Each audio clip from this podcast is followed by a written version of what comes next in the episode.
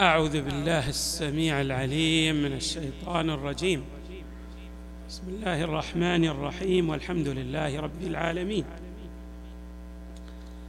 والصلاة والسلام على أشرف الخلق سيدنا ونبينا محمد وآله أجمعين الطيبين الطاهرين. قال الله تعالى في القرآن الكريم الله أعلم حيث يجعل رسالته. صدق الله العلي العظيم. خطبة الصديقه الزهراء عليها السلام ملأ بالمعارف خصوصا المعارف العقدية المعارف التي ينبغي أن يعكف الإنسان عليها ليستقي من منهلها الأبعاد العقدية التي يريد الحق تبارك وتعالى للخلق أن يعتقدوا بها ليصلوا إلى صراطه المستقيم. من أهم المباحث التي تعرضت إليها الصديقه الزهراء عليها السلام مبحث النبوة الخاصة. وفي هذا الضمن أو في هذا السياق أيضا بينت بنحو بنحو اللزوم إذا صح التعبير أو بالنحو اللازم. الارتباط الوثيق بين مبحثي النبوة الخاصة والنبوة العامة. النبوة الخاصة هي ما يتعلق بنبوة المصطفى صلى الله عليه وآله. النبوة العامة يراد بها ضرورة بعث أنبياء ورسل للخلق ليوصلوا الخلق إلى الحق تبارك وتعالى. النبوة بحث النبوة العامة يأتي في رد إشكال. خلاصة الإشكال أن الإنسان لا يحتاج إلى الأنبياء. هو يستطيع أن يصل إلى الله مباشرة بعقله. وقد تبنى هذه الفكرة مجموعة من الفلاسفة. بل هناك ديانة عامة في الهند اسمها الديانة البرهمية. تتبنى هذا الفكر يعني تقول نحن نتصل مع الله مباشرة لا نحتاج إلى وسائط. هذه الفكرة تحمل امرا صحيحا من ناحية وامرا خاطئا من ناحية أخرى. صحيح؟ أن الله هو أقرب إلى الخلق من حبل الوريد. صحيح أن الله هو أقرب الأشياء إلى الخلق ولكن الكيفية المثلى للوصول إلى الله لا يمكن للإنسان أن يستقيها من عند الله بشكل مباشر. لا بد أن تستقى هذه الكيفية من خلال برامج يضعها الحق تبارك وتعالى ويحيها إلى من اصطفاهم واجتباهم فأرسلهم إلى الخلق. اذا هذا هو باختصار واختصار شديدين مبحث النبوة العامة. النبوة العامة نرد بها اشكالا خلاصته خلاصة الإشكال أن الخلق لا يحتاجون إلى أنبياء ورسل. مبحث النبوة الخاصة نركز فيه على إثبات نبوة واحد من الأنبياء.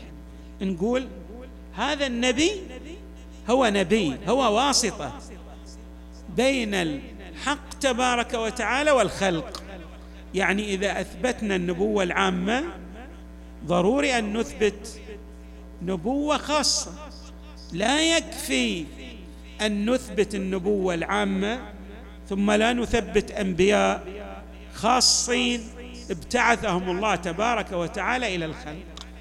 مثلا نحتاج أن نقيم براهين وأدلة على نبوة أي نبي من الأنبياء يدعي النبوة وأنه واسطة بين الخلق بين الخلق وبين الله تبارك وتعالى.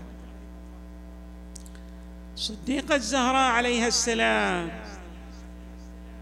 تشرح النبوة الخاصة لأبيها وتبين في هذا السياق في خطبتها تبين مطالب جد هامه نشير إلى هذه المطالب بشيء من الإيضاح والاختصار. صديقة الزهراء عليه السلام تقول ابتعثه الله اتماما لأمره. يعني إيش معنى اتماما لأمره؟ له معاني. من جملة المعاني لاتماما لأمره أن كل نبي من الأنبياء أو كل مرحلة من نبوات أنبياء لله تمثل مرحلة كمالية للبشرية. مثلا مرحلة نوح ممكن أن نصطلح عليها تمثل المرحلة الابتدائية. مرحلة النبوات الوسط. إبراهيم فما بعده ممكن أن نعبر عنها بمرحلة النبوة المتوسطة. بس المرحلة الأكمل تأتي في مرحلتي نبوتي عيسى وموسى. هذه مرحلة فيها حيثيات متعددة. ولهذا تجدون القرآن الكريم يركز على نبوتي المسيح والكليم لأن فيها كما عبرنا فيها إيماءات فيها دروس للتكامل من نواحي متعددة. من أهم تلكم النواحي التكامل في المجال الاجتماعي وربط المجال الاجتماعي بمجالات العقيدة بمجالات ماذا؟ التقدم على الصعد المختلفة الأخرى ليس فقط المجال العقدي.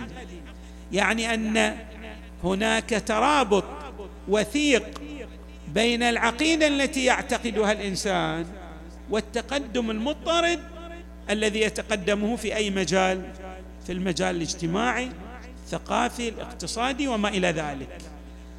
إذا درسنا الأدوار التي قام بها موسى وعيسى سنجد أن كل حيثية من حيثيات هذين النبيين العظيمين تدلل على مطلب من المطالب.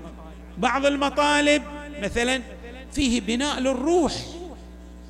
بعض المطالب فيه أهمية كبرى لعلاقة الإنسان مع أخيه الإنسان. بعض المطالب فيه شرح وإيضاح لعلاقة الإنسان مع الطبيعة.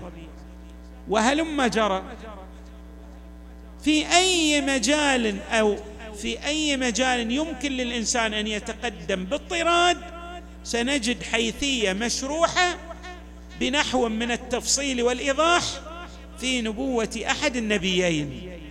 هذا لا نجده في نبوة الأنبياء السابقين بشكل مفصل لأن تلك النبوات كانت تمثل مراحل كما عبرنا مراحل بدائية إذا صح التعبير.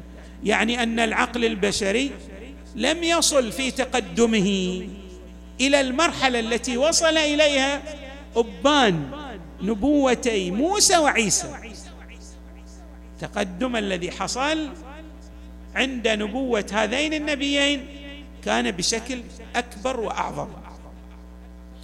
لما تكاملت البشرية ممكن أن نطلق على هذا التكامل مراحل الدراسة الجامعية ومراحل الدراسات العليا.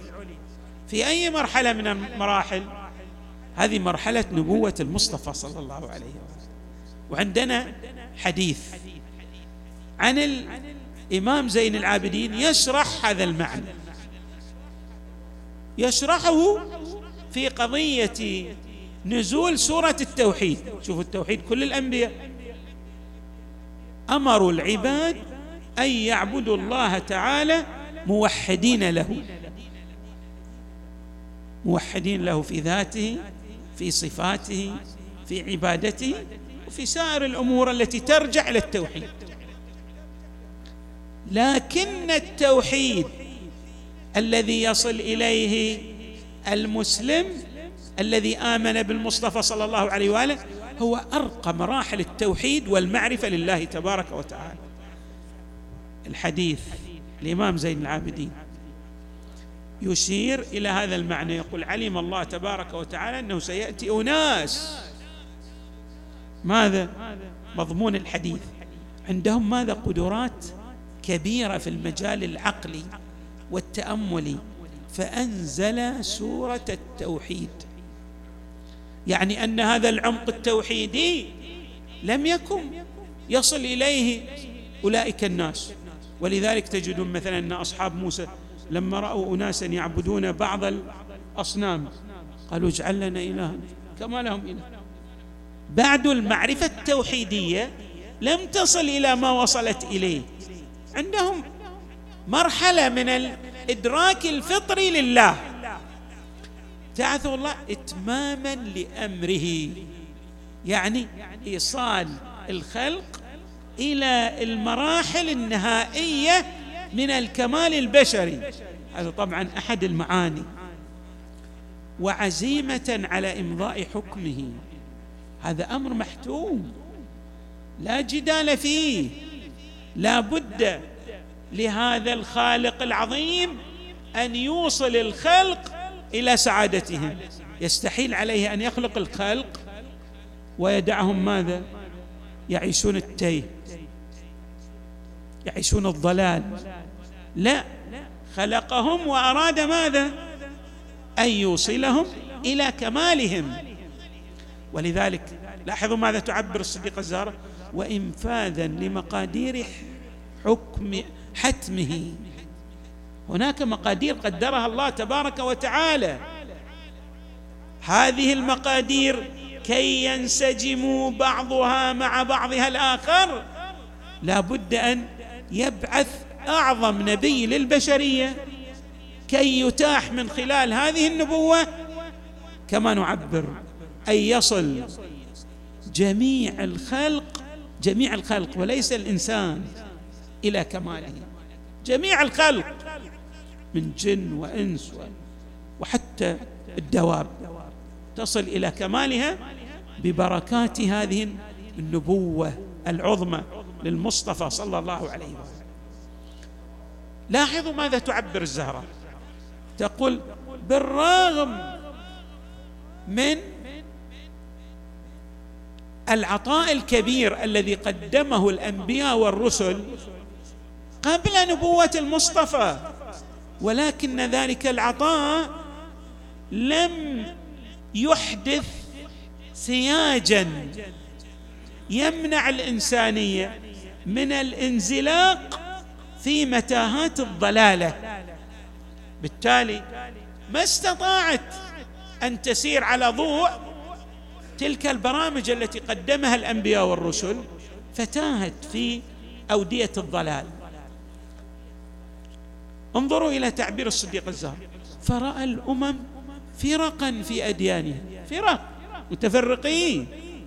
لا يعرفون ما يجمعهم على الخير والهدى. ولا زال الناس إذا لم يتبع إذا لم يتبعوا رسالة الإسلام سيبقون في هذا التيه تشوفون الحروب والإشكاليات الكبيرة بين الإنسان وأخيه الإنسان. راجعه إلى ماذا؟ ليست راجعه إلى عدم وجود الوفرة الاقتصادية في الكون وإنما راجعه إلى ظلم الإنسان لأخيه الإنسان. الله خلق الخلق وخلق رزقه. وخلق ماذا؟ الإمكانيات الكبيرة في هذا الكون. فرأى الأمم فرقا في اديانها عكفا على نيرانها يعني إشارة إلى أن بعض من الفرق والديانات يعبدون النيران. بعضها تعبد الأصنام الأوثان. منكرة لله مع عرفانها. كيف تنكر الله؟ وهي تعرف أن الله حق. الصديقه الزهراء تشير إلى المعرفة الفطرية. بمعنى أن الإنسان الله فطره. يدرك أن هذا الخلق يستحيل أنه أوجد نفسه.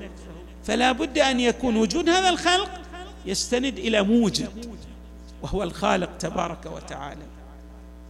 فطرة الله التي فطر الناس عليها. الله فطر الخلق على معرفته لكن أي معرفة؟ المعرفة الفطرية. يعني اللي نعبر عنها المعرفة أدنى درجات المعرفة إذا صح التعبير. فطرة الإنسان الآن لو قلت لكم لو قلت لأحدكم هذا المسجد وجد صدفة أيصدقني أحد؟ لماذا؟ يقولون هذا مجنون المسجد هذا بهالرقام اللي فيه وهالارتفاع الشاهق وهالترتيب الدقيق وجد صدفة لا يمكن أن نقبل. تعتبرون هذا افتراء؟ يستحيل أن ينسجم مع القوانين البدهية للعقل. طيب إذا مسجد يعني لا يمثل شيئا من النظام الدقيق في الكون. قلت لكم وجد صدفة. راح. العاقل لا يقبل. العاقل يستحيل أن يقبل. هذا نسميه المعرفة الفطرية. لكن هناك معرفة لها عمق عقدي. تبتني على ماذا؟ تبتني على المجد بين الأدلة العقلية والفطرية والأدلة الإرشادية التي جاءت من لدن الأنبياء والرسل التي فتحت آفاق العقل فجعلته ينظر إلى الأشياء من خلال ذلك العمق الدقيق للأشياء. ولذلك أنتم إذا تقرؤون أدعية أهل البيت عليهم السلام. تجدون هذه المعرفة التي جاءت في القرآن الكريم. أفي الله شك فاطر السماوات والأرض تجدون بك عرفتك وأنت دليلي عليك. ولولا أنت لم أدري ما أنت. عميت عينه عين لا تراك عليها شهيد. متى غبت؟ حتى تحتاج إلى دليل يدل عليك. تجدون هذه المعاني المعرفية والعمق في الأدعية توضح شارحة لما جاء من آي من آيات القرآن الكريم. منكرة لله مع عرفانها. لاحظوا التعبير الدقيق. لها صلوات الله وسلامه عليها. فأنار الله بأبي محمد.